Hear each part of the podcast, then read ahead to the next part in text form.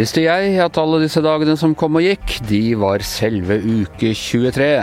Her er vi igjen, Thomas. Åssen går det? Du, det går fint med meg, Anders.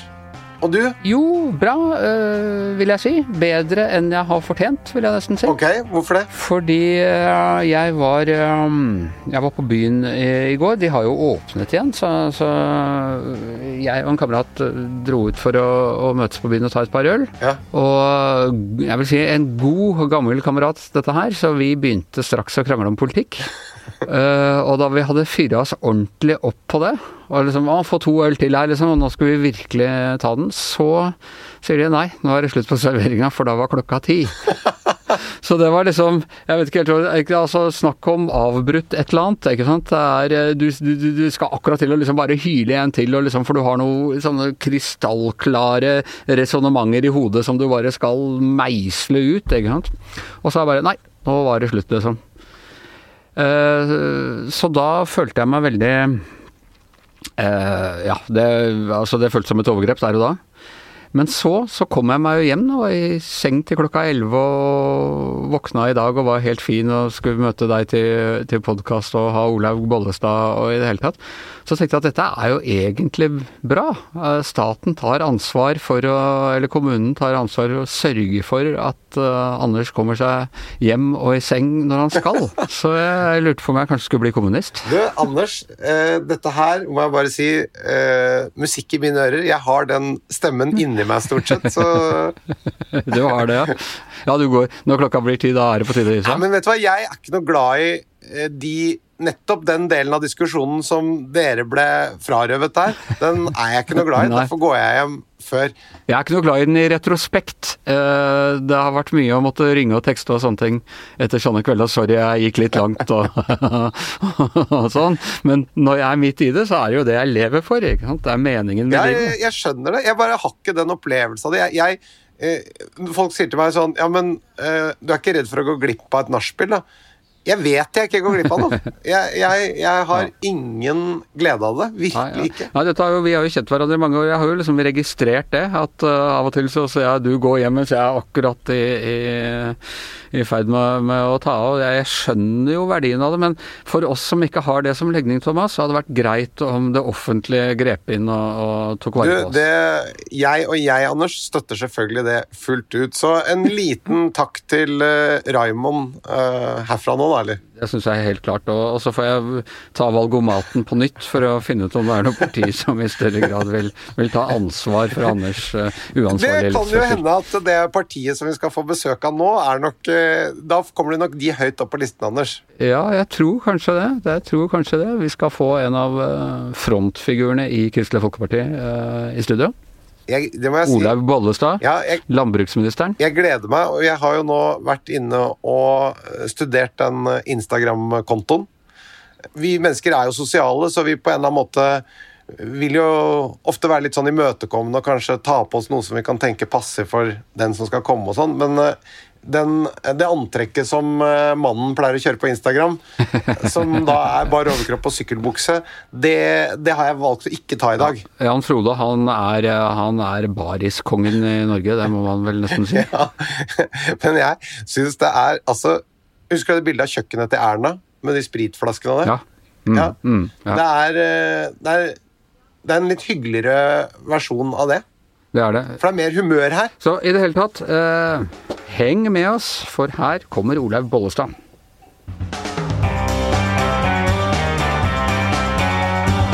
Så hjertelig velkommen til deg, Olaug Bollestad. Tusen takk, dette har jeg gleda meg til. Du har det, så hyggelig. ja. Vi har jo, det har jo vært litt menneskelig svikt i planleggingen her, så du har vært med, du det er har, fint. Jeg liker litt sånn menneskelige sider. Jeg syns det er fint. ja. Men den menneskelige svikten, det er meg, så at ingen skal tro at det er deg, eh, Thomas. Vi har måttet improvisere litt rundt dette. Men, men altså, eh, du er da, eh, for å ta det i rekkefølge bakover, du er landbruksminister, stortingsrepresentant, ordfører har du vært, Mhm. sykepleier egentlig av yrke, og frisør. Ja, jeg har brevkurs i frisør. Brevkurs i frisør. Det har jeg lyst til å høre. Altså, brevkurs, dette er fra vår tid, fra før internett og sånn. Ja, NKS eller NKI sitt brevkurs i jeg husker ikke hvilket det var, i, i frisør. Okay. Så fikk jeg hjem jeg fikk jo hjem frisørsaks, og jeg fikk hjem sånne ulike måter å klippe folk på. Og jeg har faktisk brukt det kurset. For det at eh, når jeg jobbet i akuttmottak, så, så hadde jeg et stort hjerte for de som falt litt utenfor. Og, og det gjorde jo at hver eh, lille julaften, eller bitte lille julaften, så fikk jeg et samarbeid med ambulansetjenesten, så de henta alle de som var uten fast bopel, som bodde rundt om i Stavanger, for de hadde ikke sånn uteseksjon da, på den måten. Og så uh, tappte jeg i badekaret, og så klipte jeg, og så hadde jeg vært på Fretex og fått klær, og så hadde vi god mat og greier. Og så jeg brukte det, klipte hår og skjegg, og de var så flotte. Og jeg, det var en Jeg har det, faktisk. Ja, det var extreme makeover på Stavangers uh, ubemidlede der, rett. Ja, og det var, det var ikke prøvekanin. Jeg, jeg klippte Jan Frode òg før. Jeg får ikke gjøre det lenger. Jeg vet ikke jeg, jeg, jeg, Ja, det er mannen min. Jeg vet ikke hvorfor jeg ikke får gjøre det lenger. okay. Og sønnen pleide å si at, det, eh, at jeg klippte jo de, han òg da han var liten, og da var det nesten sånn at han var glad han hadde ørene, for ellers hadde det vært tomt. Men, uh, men du jobba aldri som det, altså? Nei, jeg har aldri jobba som det. Jeg har bare brukt det i, i, i jobben. Ja. Og, og, men det var egentlig tanken? Å bli, eh, å, å bli frisør via korrespondansekurs? Nei, det var egentlig bare at jeg ville eh, Det var nok først og fremst at jeg hadde lyst på den der eh, kittelen som de la rundt folk, og så den der skjermen som alt håret datt oppi. Det var egentlig det som var utgangspunktet. Og det fikk du i dette, og så gjennomførte jeg kurs i tillegg. Det er jo mange menn som vil ha sånn snekkerbelte, som ikke er spesielt gode til å snekre heller, Anders. Ja, ja. Det er ikke noe Ja, ja. rart, det. Ja, ja, nei, nei, nei, jeg skjønner. Jeg lurte på om det var en liksom Ja, at du likte Men jeg har, altså jeg, når det er sagt, så fikk jeg jo ganske mange fine bøker, så jeg kunne, kunne se ulike frisyrer. Men det har liksom vært én frisyre jeg er god på. Det er cutting foran og notting bak. Det er liksom det veldig. Det er den jeg er god på. Men dette var 80-tallet, da? Ja, dette var eh, 80-tallet. Så du lagde punkesveiser? Ja, ja, ja. ja, ja, ja. Og etter hvert så ble jeg avansert, så da kjøpte jeg meg en sånn maskin som jeg hadde med meg, og det var jo snedde. For det, da slapp du å ha så veldig styr på saks og kammen i ulike typer retninger og sånn, så det gikk jo veldig bra. Da ble det iallfall kort. Men det er ikke noe hjemmeeksamen eller noe sånt? Nei, nei, nei, nei, nei, det var bare timer, vet du, og så fikk du dette beviset. Det er jo egentlig ganske morsomt. Og så det Beviset er egentlig bare den uthentingskvitteringen på posten? Nei, nei, nei. Å nei, å nei. Jeg har kursbevis. Så jeg, Jo, jeg jo, har men det, i realiteten så er det egentlig bare at du Ja, ja, ja. Det er mest sånn at du har kjøpt deg til en tjeneste, på en måte. Ja, ja. Men den har jeg helt bevisst lagt med i søknad at jeg har brevkurs i, i, i frisør. Bare for å få litt humor. Så jeg har lagt den med i søknader noen ganger. Nei, altså, ja, for nå lærer jo ungdom og unge folk, for så vidt jeg også, jeg skulle hjelpe kusina mi som hadde kjøpt gård og hesje høy, så Ja. gikk vi på, på, uh, Brevkurs. på YouTube, Ja. Uh, for da finner du alt der. Men i gamle dager så var det altså sånn, da tok man korrespondansekurs. Ja, da tok vi man, eh. Men jeg har, når det gjelder hver 14 hesjing, så har jeg, har jeg praktisk kurs. Du har det, ja? Ja, jeg er Ja. oppvokst med det, så det, okay. det har jeg har jeg gjort. Men klipping er litt annerledes. Og jeg husker jo, når jeg vokste opp, så husker jeg mor mi hadde sånn en klippemaskin. Sånn en, vet du. Ja. Sant? Og jeg husker Nå gjør hun klippe sånn, Sånn, neven opp og ned med De reiv jo nesten håret ut, så jeg husker brødrene mine hylte bare de så, bare de så klippemaskinen. det var jo sånn. Ja, det var ikke sånn korrespondansekurs i tannlege òg, Ja, ja, ja, ja, ja. Du, vi må også snakke om, om Instagram-kontoen din. Eh, For utenfor politikken så er det helt klart det du er mest kjent for. Du er rett og slett en influenser. Ja, og det, for det første, det der ordet der skjønte jeg ikke første gang noen sa det til meg. Så sa jeg jeg har tatt influensavaksinen, var det første jeg svarte. For jeg skjønte du ikke det ordet influensa engang. Eh, Men eh, det, det der forstår jeg egentlig litt lite av. Eh, Jeg legger ut bilder fordi dette styrer jeg sjøl. Eh, og hvis det skulle vært bilder hvor jeg måtte ha tenkt på vinkler og hvordan det ser ut og sånn, eh, så er det mer, er mer hverdagsblikk jeg er opptatt av. Og det er jo det som skaper selve livet for meg òg, så da tenker jeg at eh, jeg har liksom Og litt humor i det liker jeg jo veldig godt. Sant? Sånn at eh, den kombinasjonen som Jeg har aldri Jeg var litt redd første gangen VG ringte om den der den sommeren, så tenkte jeg nå får jeg kjeft så ørene flagrer, tenkte jeg. Eh, Men eh, så jeg har liksom Jeg har ingen baktanke her. Det er bare, det er bare Ole dere ser. Ja, du bare begynte med det litt tilfeldig? Ja, nei, nei, det var ikke tilfeldig. Jeg var kommet øh, Jeg var på Det var en av de turene jeg hadde som statsråd i 2019, og så var jeg i Nord-Norge, så hadde jeg med meg statssekretæren, og han trodde jo ikke at jeg hadde vært ute og reist selv alene i hele tatt. Så når jeg skulle til flyplassen, så hadde han liksom Du må kjøre til høyre i rundkjøringa, så til venstre og så høyre og sånn. sånn. Sånn holdt han jo på. Eh, og så når jeg kom til flyplassen, så, så tok jeg og screena opp et sånt et kart, og så satte jeg et punkt, og så sendte jeg melding til han. Vet du hvor jeg er? Det var, langt, det var bare tull, jeg var langt på Kvaløya. Og da sier han ja, jeg sa du skulle ta til høyre i rundkjøringa. Og så tok jeg enda mer opp, og da, da ringte han. Og da satt jeg jo på den loungen der oppe og hadde det egentlig litt morsomt med meg sjøl. Da var han helt sjokkert. Og så hadde jeg med en rådgiver for kommunikasjon, og så sa jeg til henne at du, hvordan får jeg bilder på Instagram, for det kan jeg ingenting om. Og da viste hun meg den plussknappen. For da hadde jo vi vært på ei landbruksmesse hvor jeg hadde fått holdt på å spunnet eh, garn og gjort masse kjekt. Og så tenkte jeg her kan jeg være med å vise noe, men jeg vet jo ikke hvordan jeg får på disse bildene. Og det var på loungen på Tromsø flyplass at jeg visste, lærte hvor plussknappen var. Og etter ja. det så har jeg gjort det. Og det var i 2019, sa du? Det var i 2019. Ja. Så, så da du en... fant den plussknappen, så rant hele ketsjupflaska ut? ja, nei, jeg vet ikke. Var, jeg, jeg, legger ut bilder når jeg finner ut av hva, jeg har lyst jeg, Hvis jeg skal føle et press på å legge ut bilder hver dag, da er det slutt. Jeg må legge ut når jeg syns det er greit.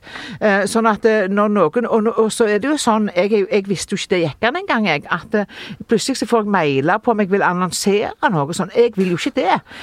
Så jeg så, og, det, og, det liksom Først trodde jeg det var sånn, sånn eh, spam-greier, sant vel? Men det var jo realitet at folk Og det, det, det blir for meg Det vil jeg ikke. Jeg, jeg vil ha det som Olav sin, og den dagen jeg ikke vil ha det som Olav sin, så legger jeg det ned. Ja, eller så er det en mulighet etter uh, ja, ja, det kan jo være pensjonen. Ja, ja. Uh, Men jeg er ikke sikker på om ungene syns det er greit hvis jeg begynner med det når jeg blir pensjonist. jeg må si det, det er veldig hyggelige bilder. Ja, så hyggelig, da. Og det, det som jeg er mest overgitt over, Thomas, det er jo at jeg har fått så mye styr med det der at Jan Frode går i bar overkropp. For jeg har ikke tenkt på det, jeg, at jeg tar bilder av det. For han går jo alltid sånn. ja. Sånn at når det ble ei greie, så måtte jeg jo si nei, han har jo faktisk ikke klær på seg. Ja.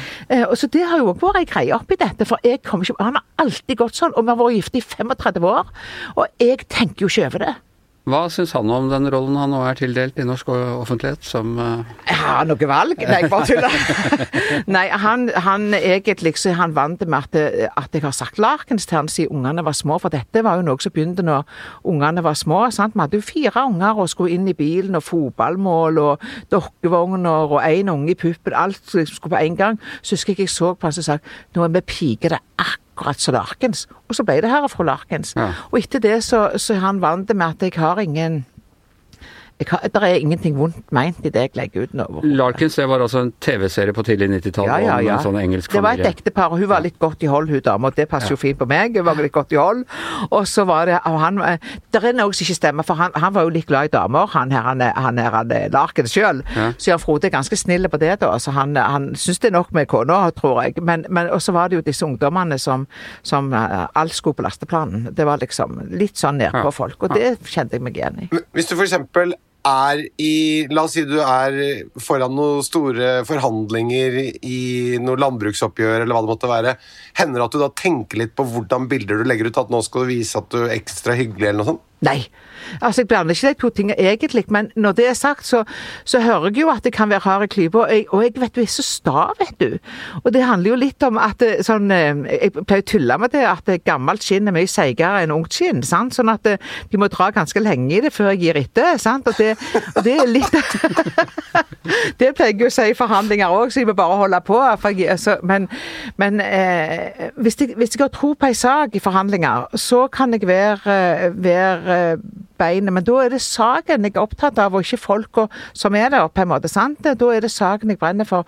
Men jeg, klar, jeg, jeg, jeg, tenker ikke at jeg må da vise noe annet på den der Instagram. Jeg tenker ikke på Instagram engang da. Det, det, gjør jeg faktisk ikke. Jeg, eh, eh, nei, det har jeg aldri tenkt på engang, det du sier nå. du, for noen år siden, da det var det store oppgjøret i, i Kristelig Folkeparti, mm. og vi satt jo her i alle redaksjoner overalt ja, ja. Og, og, telte delegater og hva folk ja, mente og sånne ting. Og da regna alle med at du tilhørte den såkalte røde siden, Hareide-siden. Ja ja, og det, og, og det til dels så skjønner jeg jo det. Eh, fordi For det første så jeg, vokst, jeg var jo vokst opp med en kanonrød far. Okay. Han er noe av det rødeste av det røde du kan få, på en måte. Var Han var kommunist? Ja. Ja. Og Finn Gustavsen var mesten for liberal for han. Å ja, så, ok, ja. så, så han var liksom Han var NKP, rett og slett? ja, Norsk. Kommunistparti? Ja, han var, han var veldig rød. Og så var jo mor mi KrF-er og soldat i Frelsesarmeen. sant? Så, så vi fikk ny tid og folkets framtid hjem til oss. Ja. Det var litt forskjell. Var faren din kristen? Nei, Nei. eh, ikke. Og det, på slutten av livet så husker jeg han sa jeg, jeg, jeg, jeg tror på det samme som mor di, sa han før han døde, men jeg har aldri gått i kirke og bedehus. Og jeg er jo litt der at eh, jeg tror at eh, vi måler folk etter hva de gjør, og ikke etter de er. Så, så jeg tror den dagen jeg kommer inn porten, eh, så tror jeg gjennom takvinduet som du sitter med, så, så, så, tror jeg at de fleste av oss blir litt overgitte. Og det, derfor så har ikke jeg et behov for å dømme folk på, på, på det, men, men for meg så var han utrolig opptatt av å forsvare mor mi.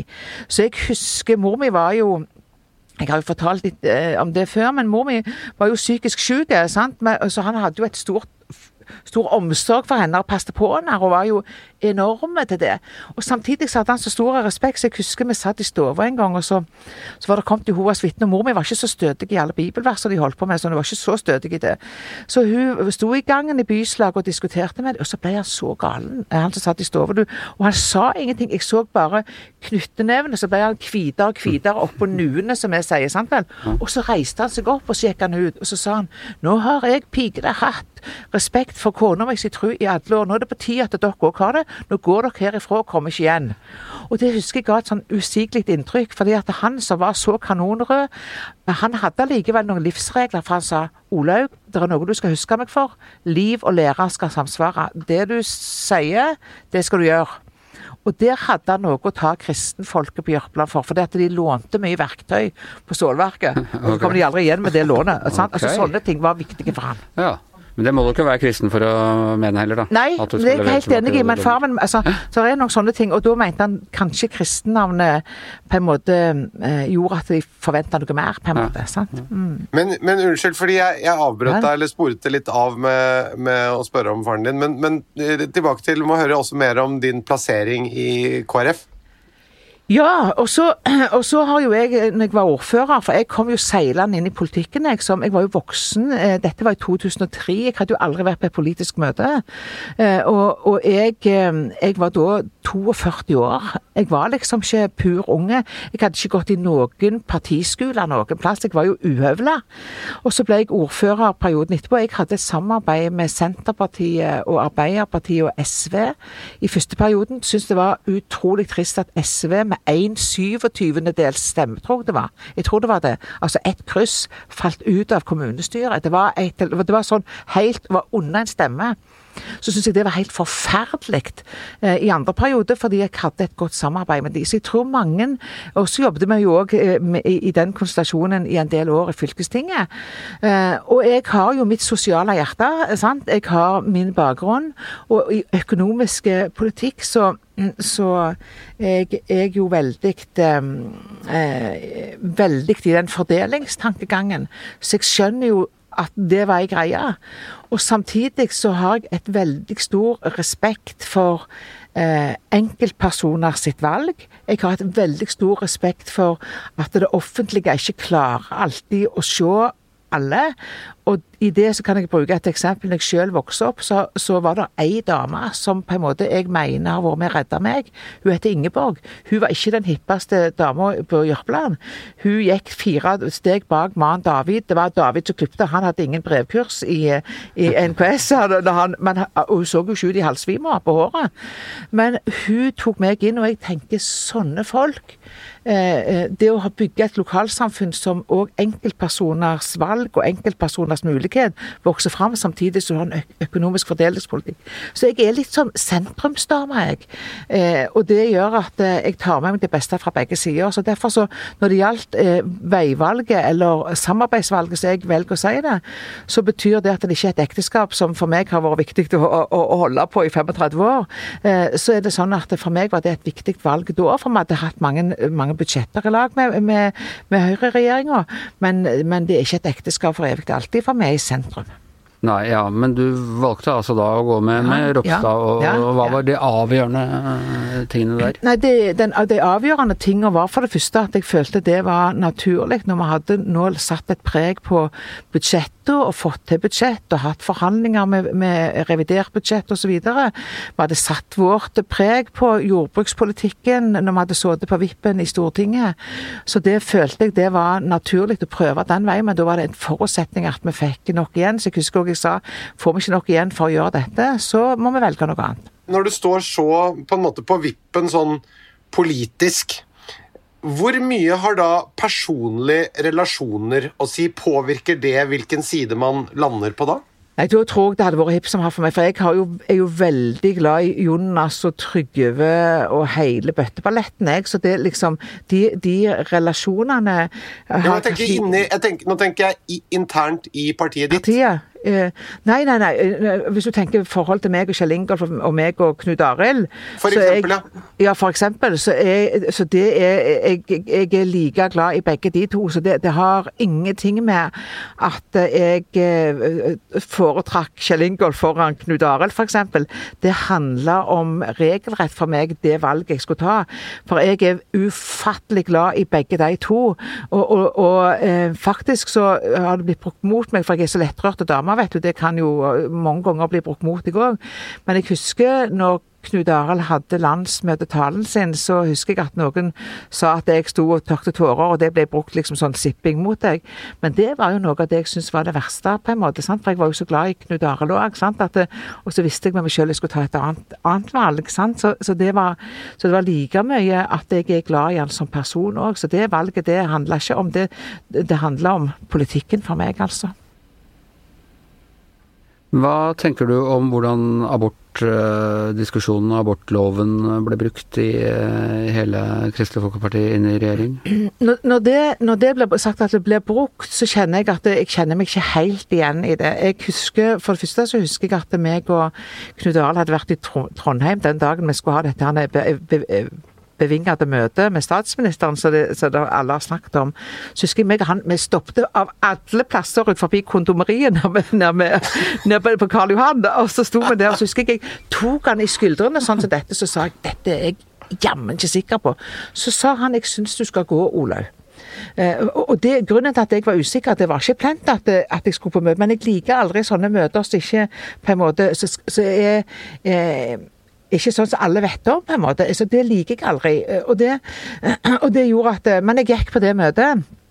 Og det med abort, og det med tvillingabort spesielt, det var ikke noe nytt i 2019 eller 2018. Det var en sak som jeg og Kjersti Toppe hadde hatt i 2016-2017. Vi hadde fått over 20 000 underskrifter. Og det var eh, selv eh, helsepersonell som ba oss om å å ordne i regelverket, fordi det sto Det var ikke mulig de, når abort kom, abortloven kom i, i, i 1975, 76 at, 78. 78, der ser du. Når den kom, at, at det var å regulere tvillingabort var ikke mulig da. Og det var, det var bakgrunnen for at vi både lufta tvillingabort, for de ville ha et regelverk som sikra at vi gjorde det som fulgte loven. Og Det var ikke mulig i 1978. Og det hadde vi jobba med, meg og Kjersti sjøl i Stortinget, og fått et nederlag på. Og så tenkte vi at dette ble jo ikke ordna i loven. For meg var det en viktig sak. Den andre saken var jo det vi kaller for paragraf 2c. Det var jo Altså, skal du, skal du få velge Ikke velge, det er et vanskelig ord, men det å ta abort bare på egenskap egenskaper til fosteret. Det er noen etiske vurderinger i det. Men når det er sagt, så har jeg lyst til å si, og det skriver jeg om, jeg har jo skrevet en bok av alle ting, men for meg så er det viktig å snakke med innestemme om dette. Fordi eh, abort eh, Vi vet aldri grunnen for det, og vi vet aldri presset som ligger i det. Vi vet ingenting om de vanskelige valgene, og da det, var det viktig for meg å legge noen gode rammer til dette. Eh, og så ble ikke 2C endra, eh, eh, og for oss var ikke det et sånn spel for galleriet når vi tok eh, eh, tvillingabort. Det var et reelt engasjement ut ifra det vi hadde fått ifra eh, underskrifter og press og påvirkning eh, flere år før, før, vi gikk til valg på, eh, på, på sida. Men resultatet var uansett at altså, eh, den borgerfreden som vi har hatt rundt abortloven i nå kanskje i hvert fall 20 år.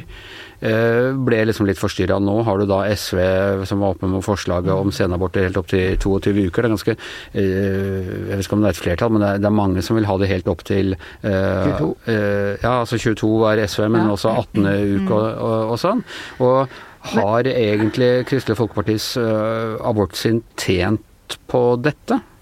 Eh, For det første så har jeg lyst til å si eh, det at SV vil endre eh, abortloven og Arbeiderpartiet, det var jo lenge før 2019. Det har vært forslag i landsmøter for de lenge før. Jo, men dere revitaliserte saken Ja, jo, da dere gikk inn i regjering. det- er, det er nettopp det som har gjort at du har Ja. fått en ny dynamikk rundt det. Ja, det. det kan du si, men samtidig så mener jeg at hvert parti må ta ansvar for sitt. Og det har jo vært diskusjoner i både SV og Arbeiderpartiet lenge før, så det var ikke noe nytt at de kom med det forslaget nå. Og jeg mener at det, det får hvert parti ta et ansvar for. Det var ingen ny holdning verken hos SV eller Arbeiderpartiet. Og jeg tenker for min del at jeg må ta ansvar for, for det jeg står for i mitt parti, og så får andre ta ansvar for det. fordi at det, eh, det var en diskusjon som de hadde, som jeg sier, og har hatt eh, med jevne mellomrom eh, siden tidlig på 2000-tallet, hvis ikke det var før. Men du Eh, syns ikke at dere har gitt dem noe drahjelp der? Nei, fordi at jeg mener at de to tingene For det første så var det fagmiljøet når det gjelder tvillingabort som ba om en regulering i det. Fordi det var en utfordring faktisk for fagmiljøet. Eh, Det andre var at når det gjelder 2C, så har det vært et engasjement i partiet vårt i mange år. Eh, Så det, det mener jeg ikke var en sak som måtte være ukjent for folk. Men når det er sagt, så mener jeg at det, det å hele veien tenke at abortloven òg i seg sjøl Nå har jo jeg jobba i dette helsevesenet, og vi kan og vet mer eh, både om livet i mors mage, men òg hva som skjer i slutten av livet og i andre enden. sant? Og det å hele veien tenke at vi må ta inn ny kunnskap og ny, eh, eh, ny eh, informasjon, det mener jeg vi må tørre å gjøre uten at vi på en måte skal sette hele loven på, på, på eh, skal jeg si, hodet. Har du jobbet med abort som sykepleier? Eh, Jeg har noen opplevelser fra det med abort, eh, fordi at jeg tok jo videreutdanning i intensiv, så noen sier at jeg er ikke intensivsykepleier, men jeg er en intens sykepleier. Men, eh, men, og en av de sterke minnene når jeg tok videreutdanning, det var jo at jeg sto inne på operasjonsstua, og så sa jeg at jeg ønsket et fritak. Jeg hadde fylt ei ung jente. og og våre mener alle forberedelsene skulle gi narkose, og så sa jeg at nå skal jeg gå ut. Og så griper meg i hånden, og så ser meg i øynene. Og så sier Olaug jeg ble voldtatt 17. mai. Da tenkte jeg i hodet mitt nå får prinsipp være prinsipp. Jeg satte meg på sida av jenta, fylte henne gjennom alt. Og jeg blir nesten litt rørt når jeg snakker om det, fordi denne kvinnen har jeg kontakt med den dag i dag. Em, Sånn at eh, noen ganger så må du òg la prinsipper være prinsipper, og velge eh, å se mennesket foran deg, og det har jeg gjort i noen settinger. Det er jeg veldig glad for at du har gjort. Takk. Eh, Og dette mener jeg er ganske viktig. Ja. Selvfølgelig. Mm. Selvfølgelig. Um, som sykepleier, hvordan, eh, hvordan tenker du på det med at regjeringen gikk, gikk inn med tvungen lønnsnemnd nå? Eh, Det er jo eh, en ufattelig vanskelig sak eh, og en vurderingssak. Fordi at eh, på ene sida så vet vi jo at når sykepleierne skal jobbe og skal samtidig streike, så hva annet virkemiddel har de?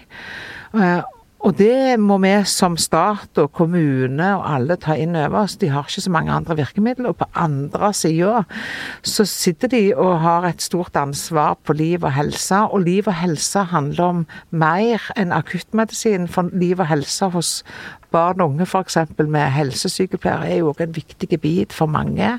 Spesielt i en koronatid. Så det er alle de vurderingene som må tas opp eh, når en da skal gå til tvungens lønnsnemnd. Og det, det tenker jeg, det mener jeg at den vurderingen har de tatt. eh, eh, Men når det er sagt, så har jeg både yngste datter mi som har blitt sykepleier, sånn som sin mor, og hun sto på krava, og jeg har fått noen skillevinker under hodet på at hva var dette? Hva Men- har sykepleierne streikerett nå, egentlig? De har jo streika, men det er vanskelig å klare å gjøre det på en måte som gjør at det ikke går ut over noen, og kanskje mest eh, det med liv og helse. Sant? Eh, For det er òg en prioritering. Det har jo vært en prioritering i pandemien. Ikke, også, sant? Ja, Altså, ja, det- vi har det- klappa for dem med alt mulig, men Ja, mer lønn vil vi ikke ja. dem. Nei, og det er jo Det nytter jo ikke å tenke at en bare skal klappe. Det, for jeg syns jo det er krevende å tenke at en sykepleier i full lønn, i, som ikke har tatt spesialutdanning sånn som jeg heller, eh, sliter med i en voksen alder å få eh, eh, tak over hodet i Oslo og eie det sjøl. Ja. Altså, det er, jo, det er jo et paradoks, jeg er ærlig å si det. og og òg der at eh, vi skal ta inn over oss at mange av de eh, går langt utover det de faktisk har i arbeidstimer. Og da tenker jeg ikke plent i arbeidstimer, men jeg tenker det de gjør for den enkelte eh, pasient eh, med å møte den enkelte sitt behov, som gjør noe med den som er sykepleier. Eh, Det er òg en pris, og jeg har vært veldig opptatt av det. At eh, det må vi òg få fram hos sykepleiere, og jobbe med at de ivaretar seg sjøl oppi dette. fordi eh, ellers så blir de så ufysende å møte hvis du har sånne sykepleiere som bare går på uten å ta inn over seg det de egentlig ser og er med på. Eh, Du må ikke aldri glemme å jobbe med det mennesket som òg er sykepleieren. Så eh, de kan ikke leve av, eh, av, eh, av eh, smuler. De må òg ha lønn som de fleste av andre av oss. Men er ikke det et paradoks, nettopp det at de er så viktig, de gjør en så viktig jobb, Jo, og så samtidig så er det argumentet for at de da ikke kan streike? Ja, det er jo det som er, det det som er paradokset i dette. Og jeg husker, jeg skal ta et eksempel. Jeg husker når far min døde, så hadde jeg en ene broren min med på dette, eller begge brødrene mine. Men jeg husker han ene broren min, han ble skikkelig forbanna, unnskyld uttrykket. Så han liksom jobbet i Nordsjøen, jobbet liksom, og så sa han egentlig hvis vi streiker, så mister vi bare noen milliarder. Eh, Hvis vi, eller hvis vi gjør en feil, så mister vi gjerne noen penger om å stenge ned i en liten periode. Men hvis de gjør én feil når de trekker opp medisiner, så dør den de jobber med. Og så er det familier rundt, sant? og så er det lønna, det var liksom en brøkdel av det han sjøl gikk med i Nordsjøen.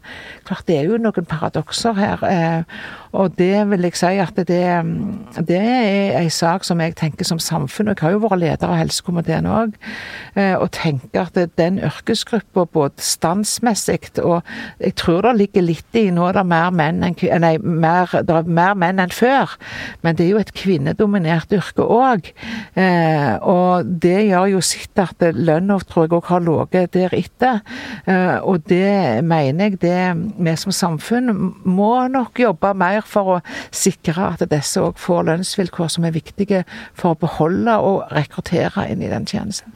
Og det tenker jeg høres bra ut, og da er spørsmålet var det da riktig med tvungen lønnsnemnd nå? Ja, fordi det er mange hensyn å ta. Vi sitter midt i en pandemi, og det er jo òg nøklene i det. Sant? Og det å streike, det, det var mange hensyn å ta i dem. Og, derfor så tenker jeg at eh, nå var ikke jeg med i den beslutningen som egentlig gjøres fra de departement som har ansvar. Det sier jeg ikke for å fraskrive meg, men det er alltid mange vanskelige valg å ta i en sånn situasjon. Men det må ikke fratas eh, eh, refleksjonen rundt at det er likevel eh, Vi kan ikke på en måte dermed lukke døra og tenke at dette ordner seg til neste gang det blir, blir, blir på en måte konflikt. Vi er nødt for å diskutere og snakke om hvordan vi gjør vi den veien videre, for dette er et yrke vi vil både trenge flere i, og flere i spesialutdanning i. Eh, og vi vet at folk lever lenger, så vi vil ha eh, mye større behov for den kompetansen, og da nytter det ikke med knapper og glansbilder. Jeg skal ikke plage deg mer med, med dette, Nei. men er det mulig at du hadde sett litt annerledes på det hvis du fortsatt var sykepleier? Eh, er det en Ja, det- rolleforståelse Ja, her? klar, er- klart at det er en rolleforståelse her. Jeg hadde sikkert stått på barrikadene eh, til snart og tørre tok meg. Eller hvis det var i opposisjon? Ja, ja, de har jo, og det er jo òg roller. De har alltid mer penger, vet du. sant? Og alltid i alle muligheter. Så det er jo sånne budrunder, det òg, vet du. sant? Så det, Den dynamikken kjenner vi jo. Og det er godt gjort nå med denne regjeringen her, for dere har også ganske mye penger. Ja, ja. Det, vi har det og, det. og derfor så blir det jo enda sånn Det det blir sånn Du vet jo på en måte at, at det er dynamikken, og spesielt når du kommer opp mot et valg. sant? Og det vil jeg si, meg som da har vært lenger i vanlig jobb enn å være politiker, så er det valgkamper jeg liker aller minst. Er det det? Ja, du syns ikke det er noe gøy? Jeg syns ikke det er gøy. Og, og, og det er fordi at jeg er så eh, realistisk på en måte at jeg sitter og tenker Herre Peter, du kan ikke si det. Eh, du kan ikke si Så er sånn. det noe med dette, Det- hvilket skal bud er det at du skal ikke ljuge? Ja, Det- sant. det Ja, ja, snakke sant om livet. Sant? Ja. ja. Og så det liksom tenker at det, si, lover så mye, dere kommer ikke til å klare halvparten. Altså Sånn blir jo jeg, sant. Og så tenker jeg, og- og de diskusjonene, de syns jeg er Og det syns jeg òg som ordfører. Jeg syns det var så å stå Jeg syns det var Ja, nei, det liker jeg lite. Ja, men du har måttet kompromisse litt der, om det ikke man eh, direkte ljuger, så må du jo som politiker eh, Ja, ha et litt mer fleksibelt forhold til sannheten? Ja. ja. Eh, eh, jeg prøver å være ganske ærlig i det jeg sier, eh, og så eh, kan det være at du ikke sier noe, og det er bevisst at det du ikke sier. Ja. Du, det er så mange ting vi skal spørre om, men, men vi går litt mot slutten. Men jeg må spørre om, om denne avsløringen på NRK av eh, behandlingen eh, i disse grisefjøsene. Ja. Og du er landbruksminister, og hvordan reagerte du på, på den? Nei, jeg syns faktisk så mener jeg at dette er Å se de bildene som jeg så, er jo helt forkastelig i utgangspunktet. Og samtidig så vil jeg si at eh, i forhold til dyrevelferd, så blir det mindre igjen i lommeboka di òg hvis du har dårlig dyrevelferd. Så det svarer seg alltid å ha god dyrevelferd. Og det er bonden sitt ansvar. Det er meg som hundeeier sitt ansvar. Det er den som eier et annet kjæledyr sitt ansvar å sikre at dyra har det godt. Hvis Og deg som landbruksminister sitt ja, ansvar. men eh, det, det er helt riktig. Jeg skal legge rammer for dette. Men jeg mener vi kan ikke frata eieren av dyr til faktisk å ta et ansvar sjøl i det ansvaret de har. Og så skal jeg ha tilsyn, jeg skal legge til at det skal stilles krav og rammer og alt dette. Men eh, hvis en ikke er i stand til å sikre god dyrevelferd i hele tjenesten, så må en jo vurdere om en faktisk er i stand til å ha dyr. Hva med meg som forbruker, som er glad i bare gripe en pakke billig svinekjøtt til pastaen på vei hjem?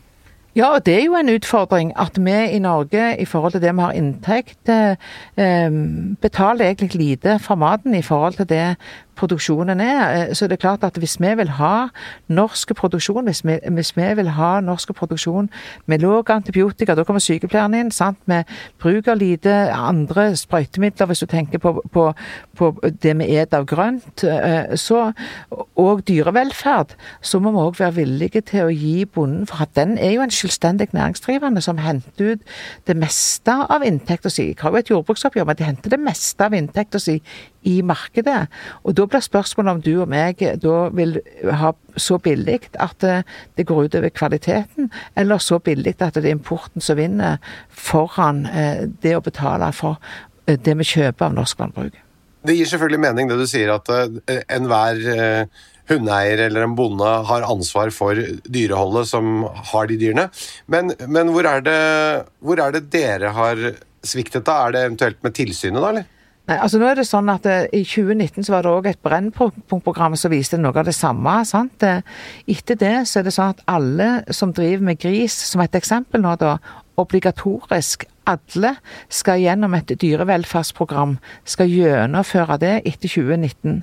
Eh, Det er òg sånn at det er tilsyn Og da snakker vi ikke noe brevkurs. Nei, da snakker vi ikke noe brevkryss. Og så skal de ha tilsyn fra faste veterinærer, som skal være med å bistå dem i dette. Og nå så vi veldig mange eh, halesår hos disse. De levde jo oppi uh, drit og lort, sant. Men eh, Norge er det eneste landet som fortsatt har hale på grisen. Jeg har lyst til å si det. Og det er òg et dyrevelferdsfenomen. At vi ikke tar av halen. I andre land så kvitter de seg med den. Da får de òg mindre sår. Men det er jo et dyrevelferd for, for grisen å ha det. Det har jeg lyst til å si. Så, og så har vi i tillegg økt eh, tilsynet til, til Mattilsynet, og nå i år så skal Mattilsynet ha 600 tilsyn. Uanmeldt, de fleste av de. Og da er det jo sånn at i dette så skal Mattilsynet inn og se på om det er sånn at det har blitt forbedringer. Og utenom det så er det sånn at slakteriene har en plikt til å melde ifra hvis de ser det kommer skadde gris inn som skal slaktes, så skal de enten trekke de som eh, har sår, og de som har eh, du ser er syke eller er skitne veldig, de skal da få tilbakemelding og eventuelt få en annen pris i dette. Så det er et system. Og så må vi heller ikke glemme at det, i, for meg så er det viktig å ha et enormt krav til dyrehelse. Samtidig så ønsker jeg å se de menneskene bak som driver dette òg. For vi vet aldri hva som er grunnen til det heller, at de har kommet dit hen.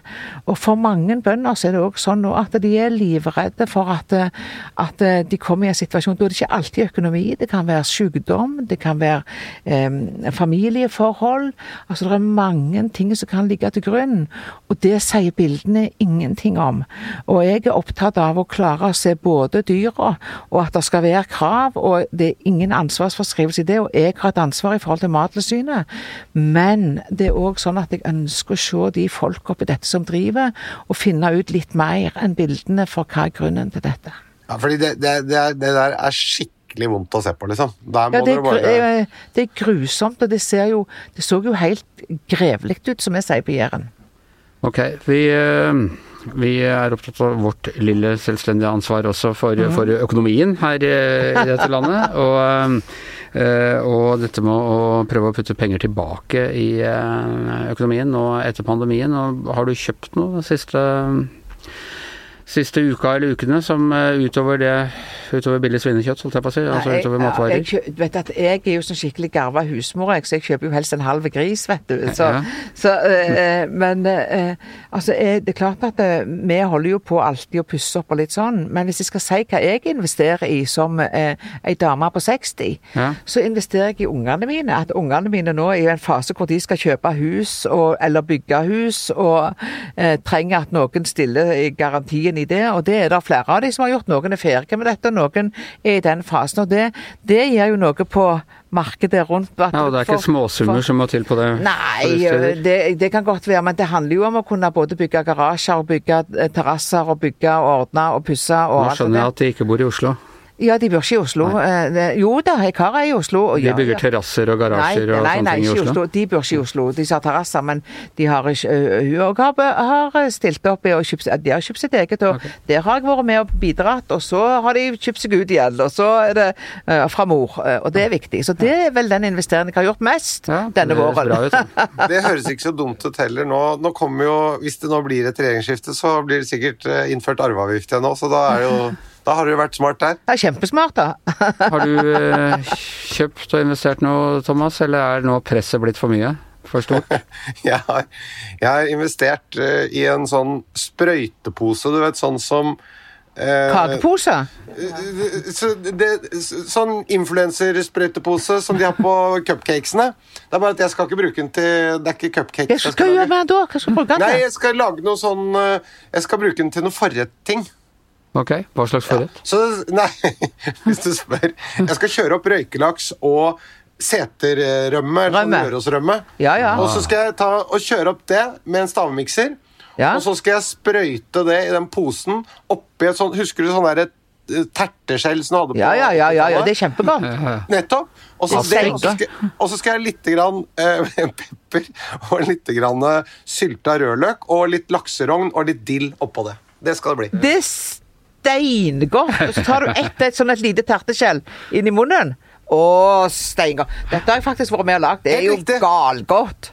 Jeg tenker på de terteskjellene. Da tenker jeg på sånn gammeldags sånn aspik, husker du det? Sånn at du fikk Ja, alt aspik. var oh, ja, ja, ja. Ding, sånn ding, geléklump. dinglepudding. Dinglepudding, ja. Ja. Men, men uh, sånn, så, sånn skjell, sånn gammeldags terteskjell med hvit sos, fiskeboller, kjøttboller og masse Mm. grønnsaker oppi, det kan jeg av og til lage ennå, jeg. Kan ikke du lage det til han Larkin og så legge ut det på Instagram? Jo, det kan jeg veldig godt gjøre. Det er steingodt. Du, det er veldig hyggelig. Da skal jeg følge med. Det gleder jeg meg til. Men du, eh, Anders, hva har du kjøpt, da? Jo, du, eh, jeg nevnte vel denne pizzaovnen som kona mi fikk til bursdagen forrige uke. Eller Pizza? kanskje jeg ikke gjorde det. Altså, kona mi fikk, hadde stor dag og fikk um, en pizzaovn, en vedfyrt, Ja, eller rett og slett oh. pelletsfyrt eh, pizzaovn.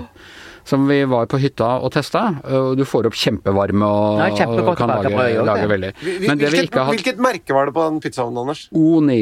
Å ja, det en var sånn Oni, ja. finsk Oni 4. Nettopp. Og det er noe av poenget her. Når dette blir litt sånn reklamedrama, det er redaksjonell omtale. Um, det vi ikke hadde eh, skjønt, det var at vi trengte en sånn egen stekespade for å få dem eh, inn og ut. Vi Ja, ja, det er en fordel. ja, det skal jeg love deg var en fordel. For de små klumpene.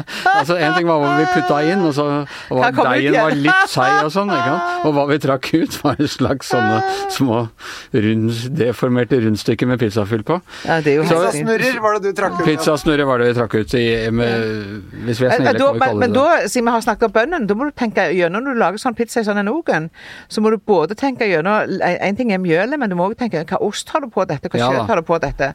Dette Skal du støtte norske bønder, så må du pisker det seg at du får norsk ost òg. Jeg var redd jeg ikke helt slutta norske bønder i den sammenheng, men i hvert fall så gikk jeg, gikk jeg da inn for å finne, og nettopp da på Oni, den, hvilken pizzaspade man skulle ha. Og det er jo et eget univers. Det er jo som å begynne å samle på Star Wars-leker. For det er eh, Du har liksom, du har stekespade, du må ha sånn temperaturmåler. Hadde vært greit med et eget bord, sånn med hansker Ja. på hendene. Det er eget forkle. Ja, ja, eh, du ha. Så du er, jeg føler at nå, er jeg, nå kan jeg sitte resten av året og fortelle om sånne Oni-ting jeg har kjøpt Han skal meg. investere fram til, så- til over sommeren nå. Det er liksom det du skal. Ikke sant? Ikke sant? Så det er eh, det er, ja, nei, det er som å begynne å samle på Star Wars-leker. Jeg vil si, Anders, at den pizzabakingen din, det, den, sånn som du setter deg inn i dette her nå, du, du tangerer eh, brevkurset til uh... I frisør, ja. Det vil jeg si. Eh, Dette her er, er mer sånn lærlingetid, vil jeg jo jeg si da. At du tar det i praksis. Jeg tror det er bedre tross alt å lage egne pizzaer, at du lærer av feilene etter hvert enn når du klipper hår på folk, for så er det greit at Ja, du starter på et minstenivå. Ja, men kjære deg, håret vokser jo ut igjen. Ikke farlig, det. Håret vokser ut igjen. Jeg synes det hadde vært veldig koselig om dere to hadde åpnet en sånn salong der du med sånn, eh, sånn sakse-frisørforkle og Anders med Ja, sitt uh, pizzaforkle. Og så kunne du servere små tapas, vet du. Ja, det kunne jeg gjøre! Herregud. Ja, jeg er med med en gang. Dette hadde vært kjempemorsomt. Ja, ja, det jeg skulle klippet, men jeg, ja, ja, og jeg tror ikke de, jeg kunne sett permanent òg, hvis det var nødvendig. Ikke sant? Ikke sant? Jeg håper de har hår igjen etterpå, da. Det er så sterke syrer. Ok, eh, da har vi, da har vi en eh, plan til når, når alle er fullvaksinerte, skal, og hvis det skulle gå litt dårlig ved valget. Ja, ja. Eh, Jeg er spinnklar, jeg. det, det er godt å høre. Gjever og Gjertsen er over for i dag. Takk til Thomas Gjertsen. Tusen takk til Olaug Bollestad. Jeg heter Anders Giæver. Vaktsjefen vår heter Kristina Kinne. Og mannen med brevkurs i produksjon av podkaster er som vanlig Magne Antonsen.